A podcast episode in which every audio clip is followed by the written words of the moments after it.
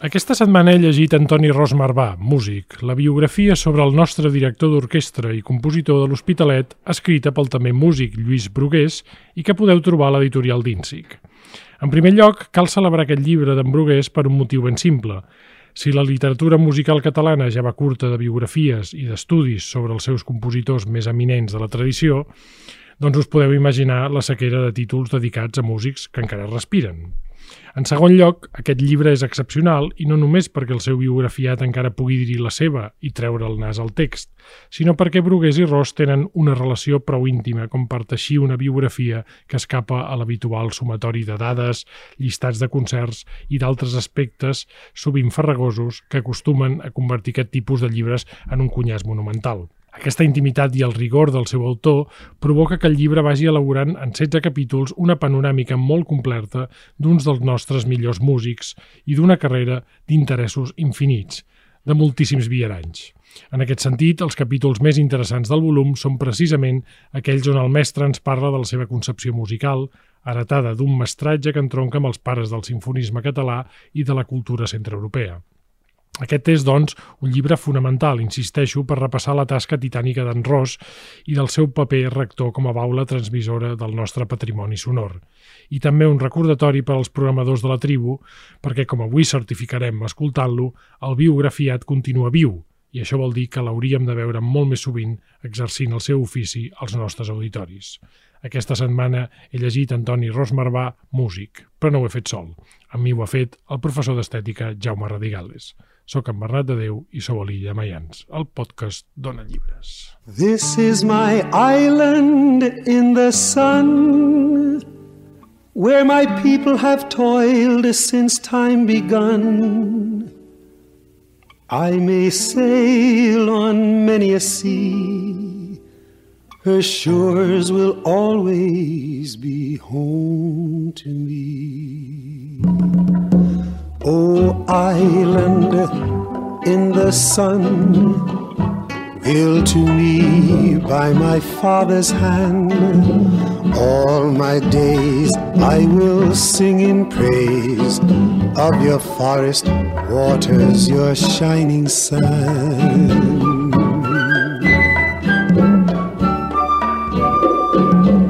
Lluís Brugués, benvingut a l'illa de Maians. Moltes gràcies per la vostra invitació. Un ple, eh, senyor Radicales. Un plaer, com sempre, gràcies. I certifiquem que el biografiat és amb nosaltres. Hola. Què tal? Mestre, Bé. benvingut. Bé, I felicitats per la, per la biografia. mo moltes gràcies. Sí. perquè implica, era un llibre necessari, perquè implica un retrat eh, riquíssim, ara en parlarem amb, amb els nostres col·laboradors, però eh, m'interessaria primer, Lluís, saber com comença aquesta aventura, perquè és una aventura que t'ha portat segurament molta feina, eh, perquè el biografiat ha fet moltes coses i ha fet coses molt diverses. Després parlarem d'aquest llibre perquè és molt interessant. Eh, nosaltres coneixem segurament el Ros Marbà, director, però hi ha molts altres vessants. Per tant, com, com comences a voler escriure aquesta feinada i, i com encares aquesta feina tan bèstia? Es va iniciar això amb una trobada que vàrem tenir a Calonja fa un parell d'anys, una taula rodona parlant d'un compositor un dia, una sèrie de músics allà, i jo em vaig donar compte, l'Antoni, que ja el coneixia de feia anys, però de la seva capacitat, de la seva memòria, de recordar-se de totes les coses de músics. De, en aquell cas era un, sobre un compositor de sardanes eh, d'allà gironí, i jo vaig pensar, quan anava cap a casa, vaig pensar avui a l'Antoni, que jo ja he llegit molt i ja tots sabem que la premsa durant 60 anys ha estat setmanalment quasi a la premsa l'Antoni, se sap molt d'ell, però que sé que no hi havia cap eh, text, cap llibre que, mm, diguéssim, que, que agafés, que incluís tota la seva trajectòria, diguéssim. Eh? Mm. Jo havia llegit ja algunes coses sobre ell, un llibre de Lluís Sunyent, que està bé, un miqueta biogràfic d'ell, el Charlando amb Antoni Rosmarbà de l'Antoni Madigan, que és un llibre que aconsellaria a tothom que llegís, que hi ha molt, però molt professional, per professionals podríem dir de la música, jo vaig pensar que fa faltava eh, aquest tipus de llibre doncs que abarqués des del seu naixement el dia a l'Hospitalet de Llobregat fins a les últimes obres que aquest 2022 va compondre. Li vaig oferir, li vaig, el vaig telefonar, li vaig dir-li, ell no em va pas dir de seguida que sí, s'ho va rumiar una miqueta, l'Antoni, i un dia, no sé, ens vàrem tornar a trobar i li vaig portar dos o tres llibres meus que havia escrit. Suposo que se'ls va mirar i devia pensar, bueno, això no està tan malament, això. Aprofitem-ho. Eh? Podria ser pitjor. Podria, sí. I l'Antoni recorda que un llibre meu sobre la història de la música a Girona i l'altre sobre el mestre civil, que va ser un professor de Girona dels més coneguts i això que ell el havia conegut, havien estat inclús a tribunal eh, amb ell. I, i em va dir que sí, doncs bueno, eh, ens varen posar de, de cares a, a treballar això. Aleshores jo volia fer un llibre una miqueta diferent de lo que ha sortit, volia fer una biografia una miqueta especial, allò de dir, guita, eh, pròleg, en comptes de dir pròleg, doncs de dir eh, un preàmbul d'una obra, un preludi, l'altre, etc. una cosa... Inclús havia plantejat fer un llibre començant pel darrere, des d'ara fins uh -huh. quan va... Però quan m'hi vaig posar això no em funcionava gaire. El que em funcionava més és dir el que va néixer, qui eren els seus pares, fins l'última obra que ha escrit aquest 2022. Una cosa cronològica. Per tant, és una biografia que recull doncs, tota la seva trajectòria, sobretot tractant els tres àmbits que ell s'ha mogut a la seva vida, sobretot ha sigut la direcció d'orquestra, no deixem de banda la composició, uh -huh. que és per mi eh, importantíssima, la seva vessant com, com a compositor i tots els seus annexes de compositor, arranjador, adaptador, etc etc etc. i després com a professor.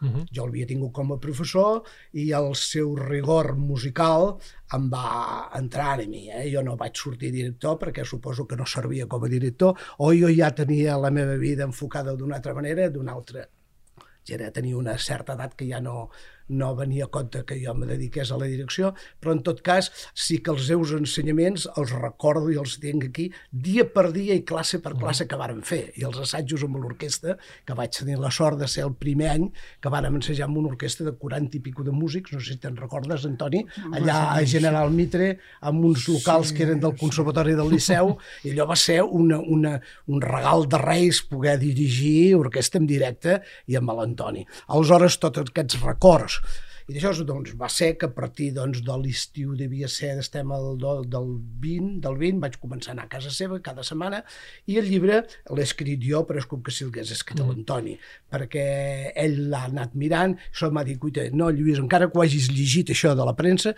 no va anar així, això, això així.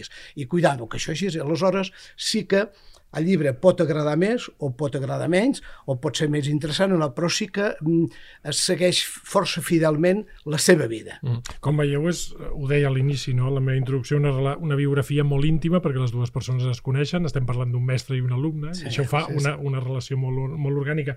Però abans d'endinsar-nos en les pàgines, Jaume, pels nostres oients que no siguin tan malalts de la clàssica com nosaltres mm. i que pensin, caram, per què de llegir aquest llibre més enllà eh, de, de la gent que va a concerts i de la gent que gaudeix tant com nosaltres.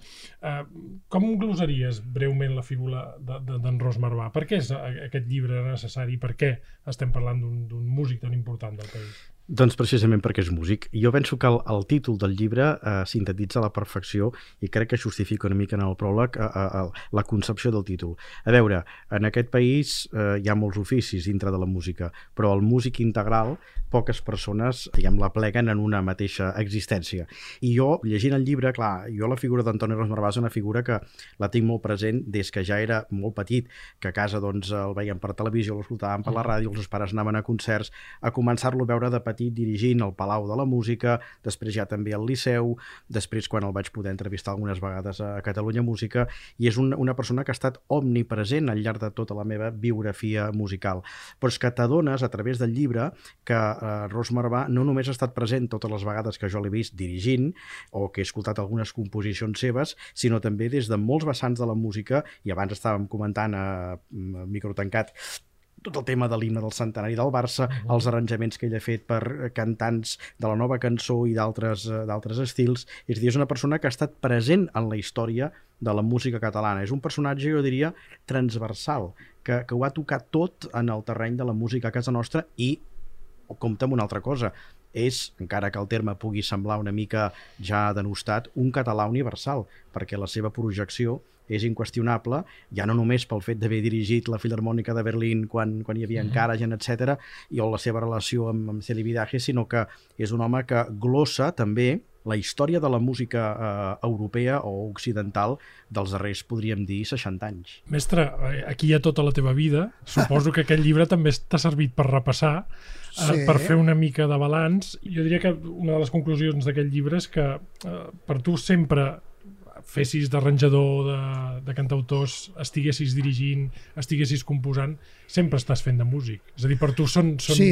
són braços naturals d'un sol cos. No? Jo això ho vaig viure pràcticament des de, des de sempre, jo diria no solament dels de la infantesa, que sí que és veritat, quan jo tocava eh, l'harmònium amb l'església de, de, de, de, de Sant Isidre, d'allà a l'Hospitalet, al barri de Santa Eulàlia, però també després va ser molt important la meva relació amb Toldrà. Perquè Toldrà va ser també, o crec, avant la letra, jo crec que va ser un músic integral.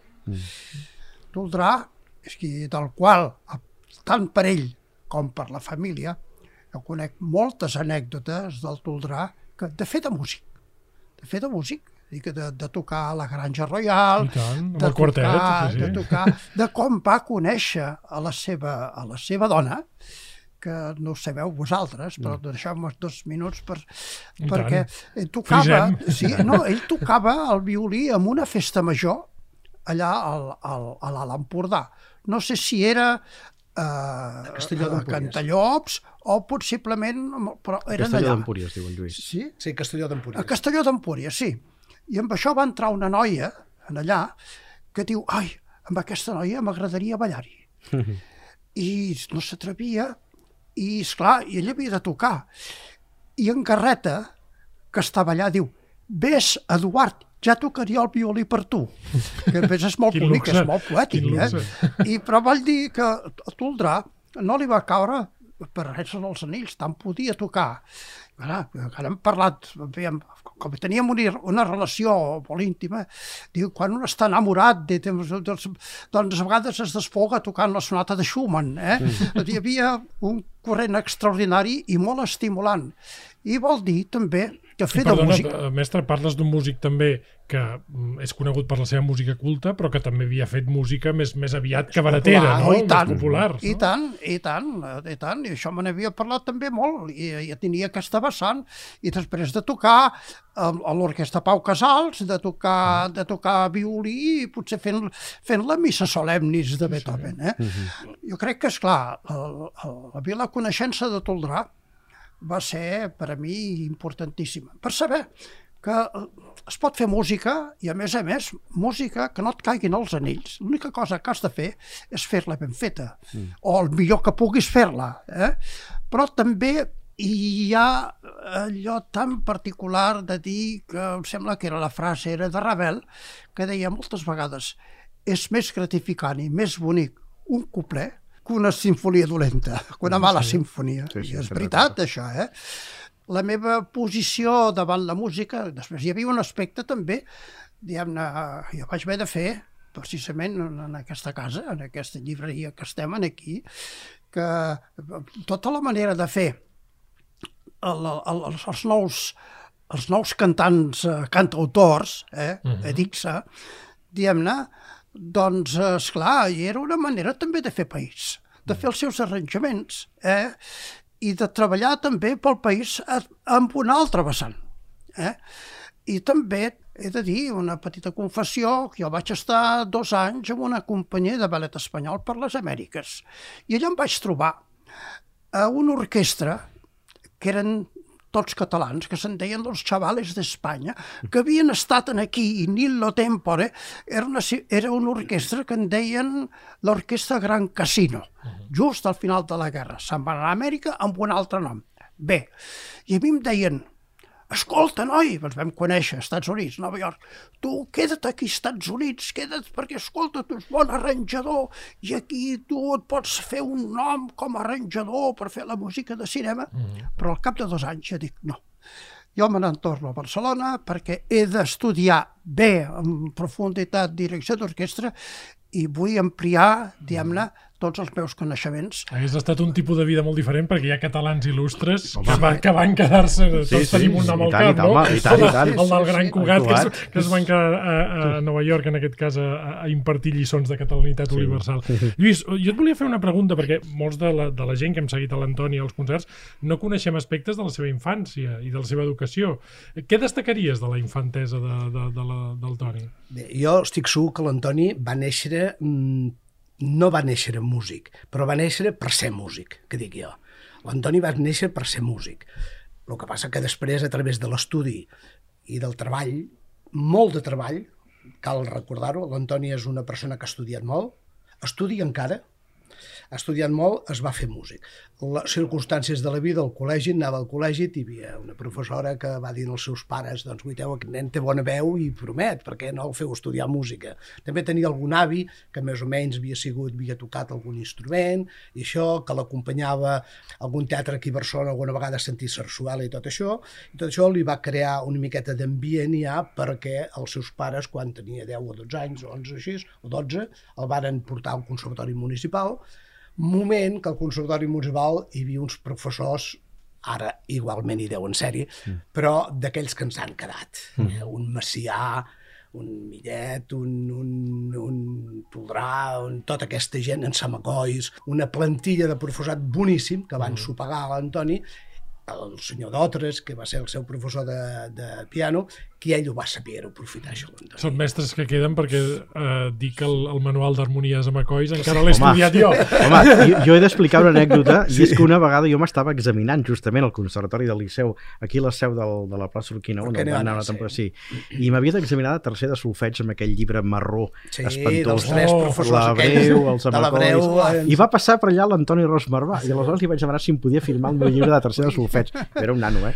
I, ben, Això és un incunable. Sí. És incunable, sí, sí sí. Pràcticament. Sí, sí, són, són, no, no obstant això, també hem de dir que, aviam, que sortosament eh, la, la, met, la metodologia i la manera d'ensenyar música ha canviat molt. Sí, molt sí. Però estem parlant, mestre, d'una pleia de, de professors extraordinària, no? Sí, jo també... El Ho dic perquè de... sovint, eh, amb en Jaume n'hem parlat molt, pequem, aquesta tribu nostra peca una mica d'autoodi, no? I pensem mm. que tots els, els mestres alemanys i vienesos estan molt bé, però aquí també hi ha hagut mestres excel·lents Molt. de música. Aviam, jo uh, aviam, dec moltes coses també a molts mestres, evidentment.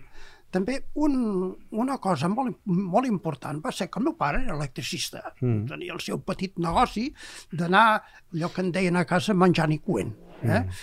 D'anar fent i, esclar, l'ofici del meu pare a mi no m'interessava gens, no m'interessava mm. en absolut. I un dia va telefonar amb el mestre de piano, amb el Dotres, uh -huh. i li va dir, aviam, com, com, com, com ho veu el nen de cara a guanyar-se la vida? I diu, això no es preocupi, perquè el, el seu fill de guanyar-se amb la música, el, la vida amb la música, això està garantit. Eh? Podria ser de moltes maneres, eh? de, de, de, de la manera que, per exemple, hem vist que abans tot parlant, que hem parlat del Borrull, per exemple, uh -huh. també és una manera de guanyar-se la vida fent música ben feta, mm -hmm. aquella. Eh? Però, en fi, de tota manera, eh, aquella música que ja m'anava bé a mi, també, d'una altra manera de fer-ho. Eh? Per exemple, està parlant d'una persona que jo he admirat molt sempre, com també el, el, en Ricard Miralles, em sembla mm. música tant, excel·lent sí, també sí, en sí, aquesta vessant. Eh? Sí, sí. Però el cas era fer de músic, però fer-ho ben fet, fos el que fos. Però, evidentment, a mi el que m'interessava també era era seguir endavant el, el, el, el més possible. També, sincerament, ja sé que era bastant contestat o, o inclús odiat per molts deixebles, però jo li dono molta importància al que vaig aprendre dels Samacois, mm. que he de dir que es va establir un corrent extraordinari. Mm -hmm. eh? Per tantes vegades... Oh, un gran professor d'harmonia. Sí, un... pues sí. I a vegades, per exemple, cosa que havia, hi havia, hi havia algun, algun exemple d'algun exercici que havia fet, diu, això és una mica irregular, però és ingeniós, deixem-ho. Per exemple, això a la millor amb un corrector normal potser no hagués passat, però amb ell sí. Ja veia que si hi havia alguna cosa que possiblement podia dir, ja no sabem solament de quintes parlades, però alguna veu que podria ser conduïda una miqueta d'aquella manera, no massa bé. Però sí, amb el Samacoi sí li dec molt, també perquè es va establir un molt bon corrent. I, evidentment, amb el Toldrà. Parlem de la, de la formació com a músic, però hi ha un moment que aquest músic es, esdevé director. Quan, quan diries que passa això, Lluís? I per què diries que passa? Sí, bé, eh, aquí a Barcelona hi va haver-hi aquell moviment de joventuts musicals, en un moment adequat, amb el senyor Capdevila, el senyor Roc, sí, sí. que varen fer tot un moviment molt important d'organització de, de concerts i haig de dir que aquesta gent varen creure molt des del primer dia amb l'Antoni. Mm. No sé l'Antoni que els hi vares donar a aquesta gent, però eh, cegament el senyor Roc, encara fa poc hi Sí, vaig sí. parlar-hi, i va creure amb l'Antoni. Va pensar que ell, la seva manera, la, la seva manera que quan el va veure algun dia dirigir alguna orquestra, havia dirigit ell de molt jove una orquestra Vic, l'orquestra de Càmera Vic, l'orquestra d'aquesta d'aquí de Barcelona, solistes de Barcelona, potser se'n deien? Sí, que no sí, recordo. de Barcelona. havia vist la professionalitat d'ell, com s'ho agafava en sèrio la partitura i mirava dels assajos de perfeccionar una nota i el tema de l'afinació, que és perfecte, la de l'Antoni, l'afinació. I d'això, eh, aquest, aquest noi promet, aquest noi ens l'hem de jugar. I li varen organitzar, no expressament per ell, perquè té per, per molta altra gent, molts concerts que va començar a dirigir aquí a Barcelona. I bé, i l'Antonio, com va dir el seu pare de, de petit, allà ja agafava trossos de fusta i ja dirigia quan tenia 7 o 8 anys. Per tant, el, el, sempre diria que ja va néixer per ser músic i per ser director d'orquestra. Ara, el gran salt el va fer, jo penso, i la seva concepció musical i de director a partir de conèixer a Sergi Saliviraque, jo penso, eh? A part de tu, el, tu, tu és el que, el que el va, li va obrir els ulls i li va donar també una cultura musical inclús diria cultura no musical, mm -hmm. perquè quan l'Antoni diu que li parlava quan passava aquest carrer a Girona per aquí, quan sortien del curs, li parlava de les notes i de la música i la partitura, en total li parlava d'en Carner, mm -hmm. o d'un altre poeta, ah, sí. o de, o, eh, o, de, o, o d'un altre, o de l'Espronceda, eh? No, perquè és que jo soc- parlava de l'Espronceda a l'hora de... Jo sóc nascut en plena guerra, l'any 37. Sí, sí. Eh? I després vaig viure la postguerra, també en un barri, el barri de Santa Eulàlia de l'Hospitalet, que, era, que allò era un barri totalment, no sé, de poble, però de poble, en aquell moment migrat. Eh? La veritat és que també les passàvem bastant... Ho pots dir, ho pots Sí, dir. Pots dir. Magres. Les Diguem magres o, directe, o, di, o directament putes. Sí, es pot sí, dir. Es exactament. pot dir. Eh? Penseu de tota manera que el meu tocadiscos que vaig tenir, el primer va ser un plat que estava entullat a la ràdio, a l'altaveu de la ràdio, eh? però que jo devia tenir uns 14 o 15 anys. Jo agafava, vaig començar a, a, saber a llegir partitures d'orquestra, llegir al piano, que aleshores ja devia fer sisè o sisè o setè de piano, més o menys, i això se'm va donar, i després anar a concerts, això sí, a tots els que podia, escoltar la música en directe, o després quan venia un artista a la sessió de cultura musical, mm. o així, i després també val a dir-ho, quan vaig estar amb la companyia de Roberto Iglesias, mm. amb la companyia per, per, per Amèrica, que m'hi vaig passar Dos anys. bastants mesos a Nova York, vol dir que allà jo anava a tots els concerts possibles. Mm. Clar, ja vaig veure molts concerts del Bernstein. Allà vaig escoltar el Calbum, Anserme, de totes les orquestres que podien venir, que eren Minneapolis, altres orquestres de- d'Estats de, Units, i al Carnegie Hall, jo era un habitual d'aquella mm. sala. I també, és clar, tot això va ser molt important per tenir un gran creixement. És curiós perquè el meu creixement, podia dir de cop i volta, parlant amb el Karajan, va dir, quan vaig començar a dirigir, hi ha molta gent, que ho vam comentar, que va començar a dirigir diguem-ne, una mica més codificat abans que jo. Si sabenteu el que vull dir. Sí, sí, sí. Sí. Però després, esclar, jo vaig treballar molt en el sentit de posar-me al màxim al dia. I també per mi hi ha una, hi ha una, hi ha una personatge fonamental que és el Chelebidake. Això, això volia, volia dir, Jaume, sí. també, et, et, et demano una nota a peu de pàgina pels que no som malòmens. Eh, eh, amb, amb el Xeli, pels amics, per dir-ho, eh, estem parlant més que un director d'orquestra, perquè Sí. eh, estem parlant... Recordo que el Barenboim una vegada va dir que era eh, per una banda un filòsof, per una banda eh, em va fer Matemàtic. gràcia matemàtic, eh, un, una, però també tenia una espècie de, de sang gitana ben curiosa a dins i La estem cosa parlant, per tant, romanesa. d'una d'una personalitat que supera un director d'orquestra Sí, i, i era- una cosa a part. Era un pensador de la música, el que passa és que evidentment la sabia fer i la sabia fer molt bé. Era un home que a partir de la fenomenologia doncs, eh, analitzava el text musical i a partir d'aquí el sabia traduir d'una manera molt rigorosa i, i, amb, i amb molt de geni, pel que sembla, i a més a més amb una concepció de la música molt lligada al que és la, la, la immanència de la música d'acord amb el temps real en què es fa la música, perquè no Sí, podem oblidar que la música és temps i per tant la, la música diguem que es desenvolupa en el moment en el que es fa i després ja està, és allò em sembla que és Celibidache, però eh, ho recordava molt l'Oriol Martorell que deia el disc és el retrat sonor d'un moment en què la música ha estat vida Exactament, i en sí, aquest sí. sentit en Xeli és una persona que a més a més refusava l'estudi de gravació Uh -huh. perquè ell treballava en el directe, al contrari del Glenn Gould no? era la- la- l'antítesi del Glenn Gould en aquest, completament, aquest sí, És, sentit. és, I és, encara gent. I encara és, és gent, interessant exacte, sí, sí. saber com us veu conèixer, perquè jo que sóc un malalt del Che Libidaje he vist molts dels seus assajos Sí. i a vegades podia ser una persona molt despietada eh, i, fer, i fer comentaris als músics. Jo recordo un assaig de la novena de Bruckner que comencen a tocar l'adagio els professors de la Filarmònica de Múnich, quan aquella orquestra era un tro, Sí, sí, sí. i ja saps aquell tai, ah, i només fan aquesta nota i ell saps allò que fa que baixa les mans i diu, diu no toquin amb la mà, toquin amb el cap. Sí, sí. I els, i els, de, els deixa no, tots fregits. I després hi ha una frase, que això ens ho havia dit també, diu, qui vulgui imitar els tempos d'un altre director, que els agafa a través d'un disc, eh? Mm. diu, el fiasco està servit. Diu, tu l'has d'anar trobant tu mateix, el tempo. De tota manera, és ben veritat, perquè ja Furtwängler deia, el tempo d'una sinfonia no l'acabes de trobar ben bé fins que l'has fet una dotzena de vegades. I també hi ha una anècdota molt bona, que això m'ho van explicar a Amsterdam, al Concertgebouw, que és que el Maris Jansson se'n va anar a veure, el coneixeu? Se'n va anar a clar, veure sí. en, el, el Kurt Sanderling Mhm. i li va dir, mestre, jo vull fer la novena sinfonia de Beethoven. Quins consells se pot donar? Dir, faci-la de seguida, perquè les primeres 20 vegades la farà malament. Clar, això és suadisant, vol dir que, de tota manera, potser no seran 20 vegades, però hi ha persones que l'han fet 20 vegades i més i sempre l'ha fet malament. I altres persones, potser, no, no hauran arribat 20 vegades, però sí.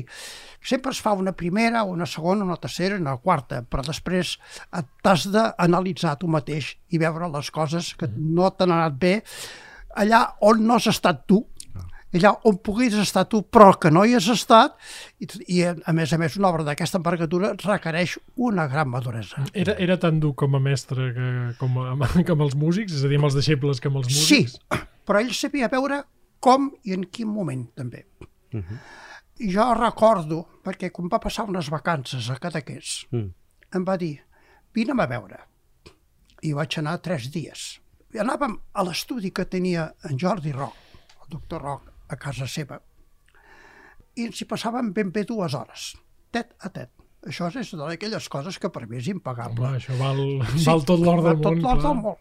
I de, parlant sobre fenomenologia, sobre la gran relació i la importància que tenen els intervals. Mhm. Com s'ha de fer un fraseig i com ha de venir. Evidentment, ara estic par- parlant així, però això ens portaria hores I tant. de parlar-ne. Però, de cop i volta, va passar un fet molt curiós. La noia de fer feines cantava una cançó, una cançó de moda, no recordo ben bé quina era, i em va dir, mira, escolta aquesta noia, que fa més música aquesta noia que molts músics. És veritat. Sí, vaja, ell, mal, ell mal parlava de directors d'orquestra bons, eh? Parlava. Sí, ell podia, deia una podia cosa- arribar a ser duríssim, eh? Ell deia una cosa que deia, entre les persones més incultes estan els directors d'orquestra, però deia incultes musicalment. Sí, sí, no sí. volia dir... Deia, només n'hi ha algú més inculte, encara que són els periodistes. Diu, perquè almenys els directors saben llegir una, una, una partitura. Sí, de tota manera, és veritat. De tota Hi ha una cosa que, evidentment, jo no, no sóc massa nostàlgic, sí que ho soc. Evidentment, de com es feia la música abans, per exemple, escoltant segons quins artistes d'abans. Eh, hi havia una cosa, jo crec, de veritat, que podria ser més qüestionable o no, o encertada. Per exemple, fa molts anys, uns quants anys, el Franz Brüchen, amb el seu grup, va fer un concert a Madrid i al final vam anar a sopar amb el Franz.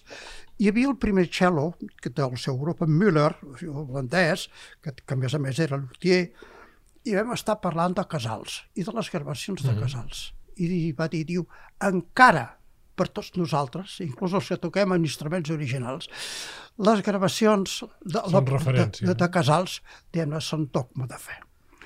Diguem-ne, arribat un punt, de tota manera, eh, aviam, crec que s'ha especulat tant, també avui en dia, també sobre els instruments històrics. Mm. Què passa amb els instruments històrics? Sembla que el fet de ser instruments històrics hagin trobat la veritat. Sí, sí, exacte. I no és veritat que s'hagin trobat la veritat. Depèn. Vols dir Pot que, és, que el més sí. important és la transcendència de la interpretació i després els mitjans és una Sí, altra, sí. és una altra cosa. I ara, ara d'aquí uns dies, jo he d'anar a Madrid a fer la novena de Beethoven. I ara m'ha caigut, he agafat altra vegada llibres que tinc per allà, he agafat un que parla sobre, sobre Beethoven de l'Adorno, i després un altre, per exemple, que parla sobre els metrònoms de Beethoven i tot això.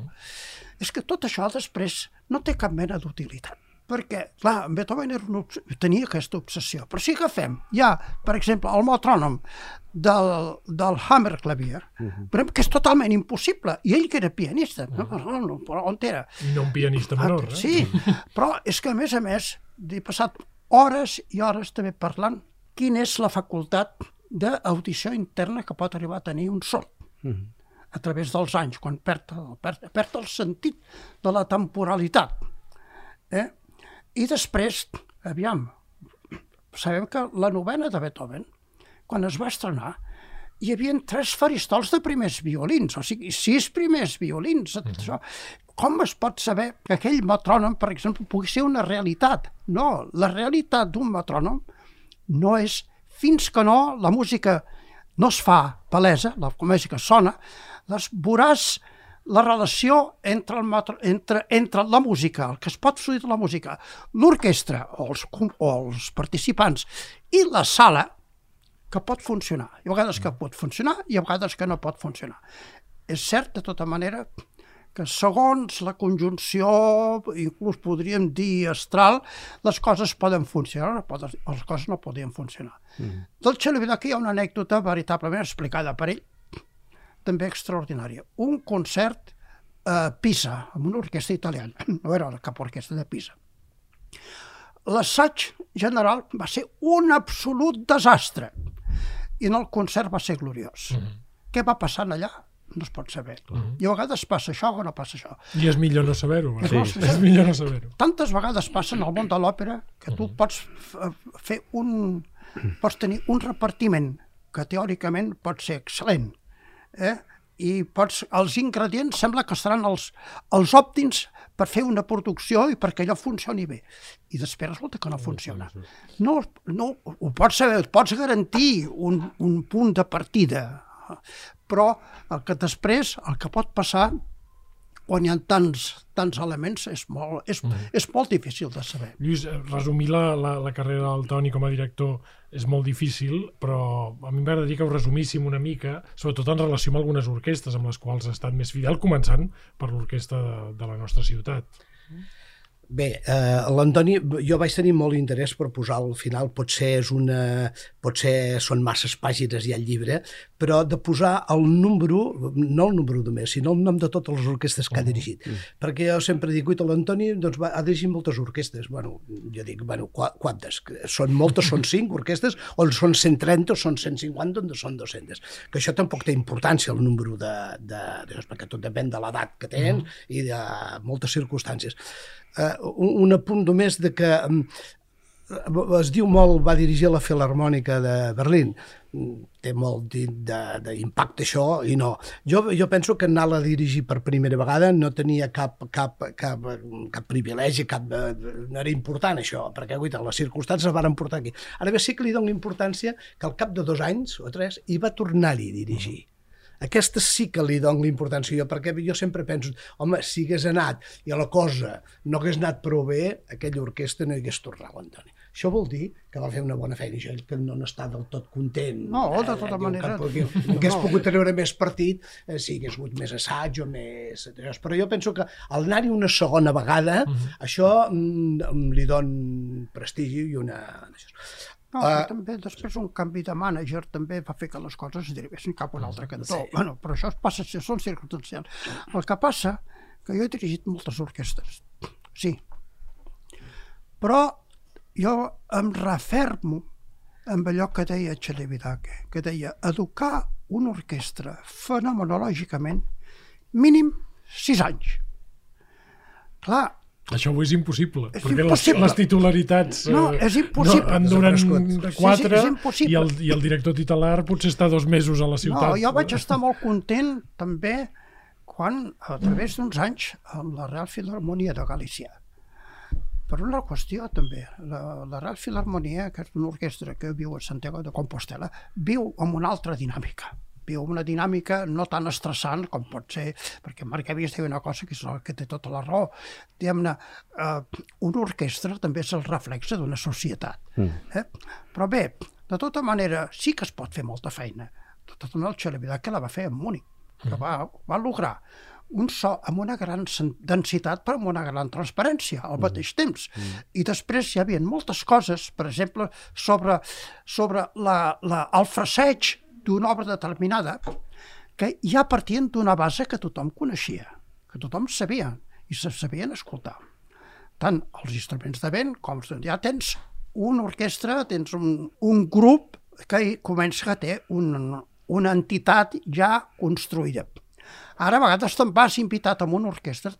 Jo vaig fer una experiència que va ser molt bona, però després vaig decidir no tornar-la a fer em van demanar de fer una substitució per un concert així determinat a Mallorca amb la Royal Philharmonic de Londres. L'havia de fer l'Antal Dorati. Mm. No va poder fer per una qüestió de salut, ens havia tenia un problema car de cardíac. Bé, m'ho van demanar, dic, bé, va arribar a l'orquestra. Vam fer un assaig de dues hores i mitja. Era primera i segona de Brahms. Ni Oh, més ni menys va, jo com després recordo que eh, de la segona de Brahms hi havia coses que no les vaig mirar perquè se- se'ns feia una miqueta tard, perquè la que paraves per dir una cosa, de seguida se t'anaven 4 o 5 minuts. De qual no... I la meva dona deia, mira, jo cada t'estava escoltant ara tu, després estava escoltant qui, qui, qui, qui potser era el senyor Dorati, potser era l'orquestra. Perquè vam fer aquest tipus de bolo, eh? que aquest tipus de bolo, després he promès de no tornar-lo a fer mai més. Eh? Procedimental, no? Sí, sí, però de tota manera va ser una gran experiència, simplement per saber el que no s'ha no de s'ha fer. de fer. Ara, ara que parles de, de Brahms, eh, Antoni, eh, Jaume, això t'ho t'ho volia comentar també, perquè una de les coses que jo crec que caracteritza la, la, la tasca com a director de, de Ros Marvà és que, contràriament a molts directors espanyols que només dirigeixen música espanyola o que estan eh, eh, especialitzats en música espanyola, que també l'ha dirigida, i catalana, només faltaria, eh, jo diria que Ros Marvà és, és un director europeu, Absolutament, eh, europeu i que, a més a més, el que dèiem abans, no? eh, eh, transversalment eh, agafa doncs, eh, tot el segle XVIII, o ara part del segle XVIII, el XIX i també part del XX, i a més a més amb una, amb una internacionalització en el repertori que a més a més fa que Rosmarbà tingui, eh, des de la meva humil opinió, una lectura, ara que ell parlava de celibidaje, precisament això, transparent del, del so que ell extreu. Potser perquè Rosmarbà té una malaltia que crec que compartim aquí, que es diu Mozart.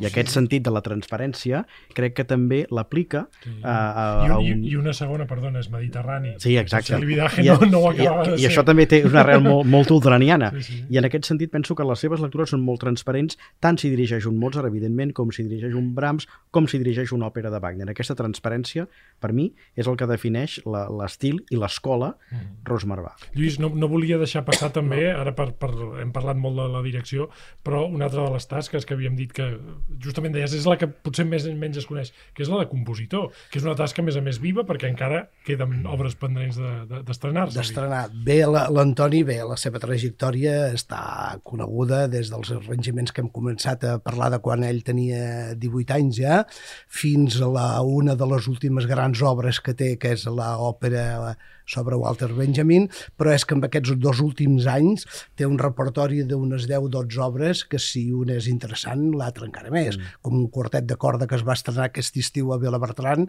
el qual per mi és una, una obra fora de sèrie. I, i és igual, s'acaba d'estrenar aquí a Barcelona a la Catedral també una obra ara per sí, Nadal, sí, una, sí el cant a la Sibila. El cant a la Sibila, que sí, s'ha sí. fet. Sí, l'últim fragment que, Sí, sí, que, el, l'últim que el fragment. cor francès Valls de la catedral demana un compositor Vull viu. canviar totalment de registre, però té algunes sardanes que últimament Sí. ha fet, eh, esplèndides. Eh, Se li han gravat una, un ballet que havia escrit a l'any, als anys que ell havia treballat amb l'Esbar Verdaguer d'aquí a Barcelona, també dels anys de, de la seva joventut, que es acaba de gravar. O sigui, està en un moment, jo penso, ara, com a compositor, molt bo, l'Antoni. Eh, ha llibrat una miqueta de la direcció d'orquestra, està més, eh, té més hores, diguem-ho així, per composar, i està treballant. És un goig veure el, el seu estudi, el, el, el, les seves partitures, el seu llapi, la seva gobi, com escriu, com feien 200 anys o 300 Sí, sí. anys enrere, diguéssim, eh? És dels que no s'ha posat a l'ordinador encara, i la seva forma de treballar, de la manera que jo he anat estudiant i he anat veient com ho fa, que pensa l'obra sense escriure res, i quan ja ho té, o sigui, li costa posar-s'hi a, a posar a l'obra, però quan ell ja la té ideada, la seva tècnica té, sobretot d'orquestació, de coneixement dels instruments, de les tessitures. Avui a l'hora de dinar amb ell en parlàvem, hem estat parlant de les trompes, la història de totes les trompes, de totes les tonalitats de les trompes, el, el, el, el, el treball que té interioritzat des de jove, eh, el fa que ell quan comença a escriure no hi ha cap problema tècnic per ell, diguéssim. Eh? Una vegada ja, ja ha dit, allà on vull arribar, vull anar aquí amb aquesta, vull fer això, ho escriu de Sí, seguida, en problema pocs n'hi dies. ha, eh? Sí, sí. Però, Jo- jo- de tota manera, el primer problema és a dir, per on vaig? Què escric? Després, un cop tens l'invent, podràs sortir millor, pitjor, però l'invent ja el tens. Després, posar-ho posar-ho sobre el paper, després, eh, això ja, no, és- ja, no, és- ja, és, ja és menys difícil. El cas és saber per on vaig. I sobretot també, eh, estèticament, què és, què és el que he de fer? Ja hem vist que en els últims anys, bueno, els últims anys, què se n'ha fet de tot el que va passar a Darmstadt, mm. tot això, què se n'ha fet? Tot això és, ja no, no, no, no interessa absolutament ningú. De tota manera, hi ha una cosa que és evident. Per exemple, la música de jazz va progressar d'una manera extraordinària i, en canvi, va mantenir el caliu diguem-ne, en la persona que, que, que, que escoltava. De tota manera, amb tot l'extraordinari que sé que va ser la segona escola de Viena, de tota manera, de Schoenberg, què és el que es toca? Sabem el que es toca. Molt poquet. Eh? Doncs es toca, evidentment, hi ha una òpera, eh, a mi, el, el Moses Yara, em sembla Sí, una sí. obra fascinant. Parcialment escrita a Em sembla Barcelona. una obra Sí, sí, fascinant. sí, segona- Com ho són les dues, les dues òperes d'Alban Bert, Sí, també. sí. Les dues, eh? De tota manera. Però, és clar, de tota manera, de tota... per on ha anat la música després? També hem buscat que aquest contacte que es va perdre també en el públic, que s'hagi pogut tornar a, diguem-ne, a recuperar una mica. Eh? sense trair i sense fer una música que podria ser que es posa i que ja no tindria cap mena de, de, de sentit de fer. És una altra qüestió. Igualment no sents, per, per la quantitat de coses que has fet aquí, parlem de l'òpera de Walter Benjamin, que com a compositor se t'ha valorat menys, o se't, se't coneix més, segurament. Per una mica també n'hem parlat moltes vegades amb en Jaume per aquesta malaltia de la tribu de compartimentar les coses Sí. massa. No? No, es, no es pot. O s'és un gran director o s'és un gran compositor. No? Aquest és un país també de, de masses calaixets. No? Sí, però és que jo, de tota manera tampoc... Jo com a compositor vaig, vaig, vaig ser una mena de compositor que havia de fer una mena de servei al que passava en el nostre país. Diguem-ne, com vaig fer les tres cantates, Les cantates, tres cantates per infants. parlar jo. Eh? Jo sabia per, que, que, els, que els infants, quan aprenguin una cantata d'aquestes s'hi trobin bé i que, i que s'ho passin bé cantant. Que no sigui després una que fos negatiu, que diu, oh, quina llauna això de cantar, no, no, això no es pot cantar. No, no, que sigui que, que donguis oportunitat, home, buscar que sigui, que estigui ben fet, però oportunitat que allò sigui útil. I després també amb moltes altres coses que, sempre, que simplement, igual que quan vaig fer les orquestacions de tants uh, uh, cantautors o tantes coses, que tingués una utilitat pel país. Ara m'he centrat més a partir, ja diríem, més o menys de l'òpera que vaig escriure, que, que la vaig acabar el 2016, ja m'he posat a escriure un tipus de música, podríem dir, més de creació tot i sent molt autocrític i també pensant que el llenguatge moltes vegades ha d'evolucionar i ha de tirar possiblement cap a altres indrets. Eh? Però això no ho sabràs mai. S'ha de trobar i de tota manera... I són moltes hores de pensar-hi i de dir centes vegades o potser mil vegades no i potser una de sí, mm -hmm. i que tampoc et pot garantir que també, que, que també sigui, sigui el que tu mhm. voldries fer. Per tant, Lluís, aquesta biografia ja. tindrà un apèndix, perquè això continua, no? bueno. ja et posem deures. Hi ha, dos àmbits deures. que, a, a part de la... Ja que no, no hauria de passar desapercebut això, la feina que va fer l'Antoni amb l'Orquestra Ciutat de Barcelona des de l'any 67, quan es va fundar l'Orquestra Ciutat de Barcelona, que venia de la municipal, que, que ell va entrar, fins als 78, aquells 11 anys, jo penso que varen ser molt bons. De, per Barcelona, per Catalunya, el repertori que es va arribar estrenant allà, fruit d'ell de, de dir, ara s'ha de fer Mahler i ara s'ha de fer aquest i s'ha de fer l'altre, compositors que en aquell moment no havien entrat encara a Barcelona, esporàdicament havia entrat alguna vegada, poder a principis de segle, alguna obra. Aquesta feina amb l'orquestra, m'ho explicava fa poc encara en Gonçal Comelles, que és un violinista que va començar els primers anys amb ell, que em deia, diu, la feina de l'Antonio Rosmarvà eh, amb l'Orquestra Ciutat de Barcelona mai ningú li compensarà el sí, que sí. va fer. I, Això, no, I no sé si tindrà continuïtat, per, per eh, desgràcia, ah, cosa, cosa no imputable. I després, dos però... àmbits que no poden quedar d'això, que és el, el de la pedagogia, el de l'ensenyament. Mm. L'Antoni ha fet una gran tasca, va fer, en el món de la direcció de, de l'ensenyament. Només hem de donar un vistasso del que tenim aquí del, dels, dels directors que hi ha eh, i tots han sortit doncs, doncs d'allà. Altres no han sortit, eh, diguéssim, però, però bueno, som molts, molts, a centenars que vàrem anar a classe amb l'Antoni que no ens hem dedicat a la direcció, però que hem tingut un gran profit dels seus ensenyaments. Uns com a directors de cor, els altres de cobles, uh -huh. els altres que no ens hi hem dedicat a res, però les seves ensenyances jo recordo, ho diré sempre, que jo era professor a la universitat i des de que vaig anar a classe amb ell, aquella rigorositat que tenia amb la feina i aquella seriositat, jo vaig canviar allà a la universitat. De dir, tots som molt macos, tots aprovareu, a dir, no, aquí, aquí, aquí suareu eh, aquí suareu, i això que eren classes de música o d'història de la música. Però, I això m'ho va inculcar ell, diguéssim. Eh? Però aquesta part de professor, de professor que tots sabem eh, que diríem noms, no val la pena dir-los perquè tothom que està al món de la música sap, els principals directors d'aquí a Catalunya que tenim, tots han sortit de l'Antoni, que és una faceta, i després, com a compositor, que ja n'estàvem parlant ara, doncs jo penso que es coneix molt poc encara l'Antoni sí, sí. Es coneixen les cantates, es mm. coneixen algunes obres, algunes sardanes, sempre... Tot i que molta jo, gent haurà sentit música feta per jo, ell, eh? jo, segurament no ho sap. Jo li he descobert unes... No, no l'he descobert jo, perquè ell ho sabia, però és que ni se'n recordava que ho havia escrit. Jo recordo que sempre li he dit, m'ho ha, ha sentit dir a vegades, la música en el, so, en el zoo, en el zoo Diu, això? Què, què és això? Me va dir.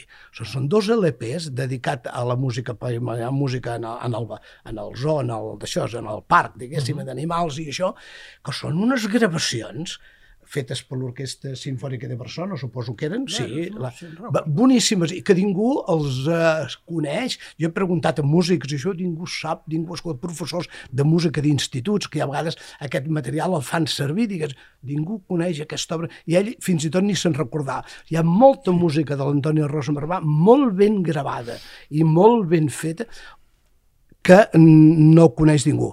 Un dia, perdó, estava a casa teva i em vares dir, escolta aquesta obra, uh, aviam si adivines, si adivines de qui és. Uh, te recordaràs que érem allà a Calonja? I, bueno, això, primer de tot, que no és cap orquestra espanyola, això deu estar gravat a Londres o a Amèrica, i això és per la tal i tal, i, i és, i és d'un gran compositor, de Beethoven, d'aquest, de l'altre, de l'altre. No, diu, és de, penso que era en Toldrà. Toldrà, sí. D'en Toldrà és per l'Orquestra Sinfònica de Barcelona i és amb els estudis Moraleda d'aquí de Barcelona. No, Una gravació, recordaràs quina obra és? Que ara no, sí, no eh, sí, és el, el, Excel·lent. El, sí, és la suite, diguem-ne, de, de la filla del marxant. Això, la filla del marxant. No sé si l'heu escoltat. Si fa anys que no l'heu escoltat, torneu-lo a escoltar.